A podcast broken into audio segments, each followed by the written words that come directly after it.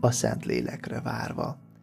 Ellenben erőt kaptok, amikor eljön hozzátok a Szent Lélek, és tanúim lesztek Jeruzsálemben, egész Júdeában és Samáriában, sőt, egészen a föld végső határáig. Apostolok cselekedetei első fejezet 8. verse. Jézus mondatait bátorító búcsúszóként a mennybe menete előtti pillanatokban mondta el a tanítványoknak. Krisztus elvégezte földi szolgálatát, az ember élet Isten kinyilatkoztatta a teremtő igazságát, és megváltotta a bűnös embert. Mit érezhettek a vele éveken át életközösségben lévő tanítványok? Először elhívta a világi életükből, és ők mindent ott hagyva követték őt.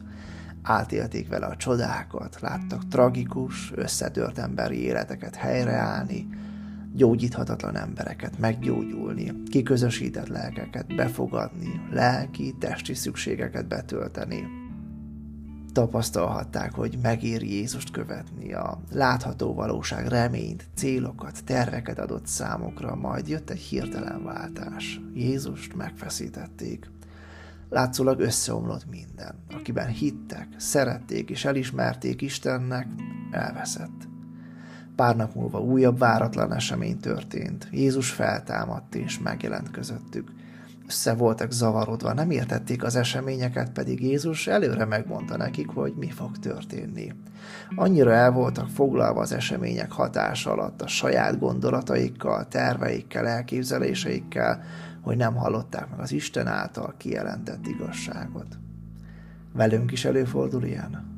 Annyira vágyunk valamire, beleéljük magunkat az általunk áhított jövőképbe, hogy nem halljuk meg az ige által kijelentett, nem olyan népszerűnek tűnő valóságot. Amikor mégis beteljesedik az ígéret, összeomlunk, csalódunk, talán Istent is hibáztatjuk. Kérdéseinkkel Istent, hittestvéreinket bombázzuk, összezavarodva tántorgunk és azt kérdezgetjük, hová lett az Isten szeretete? Jézus korábban ezt ígérte tanítványaidnak, én pedig kérni fogom az atyát, és másik pártfogót ad nektek, hogy veletek legyen mindörökké, az igazság lelkét, akit a világ nem fogadhat be, mert nem látja őt, nem is ismeri.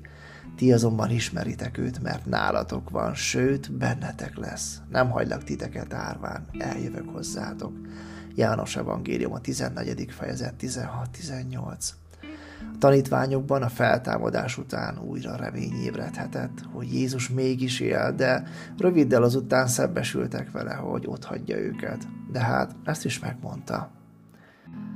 Lehet, hogy te is hasonló helyzetben vagy, összezavarodva, kétségek között magányosan, tanácstalanul, kapaszkodókat keresve.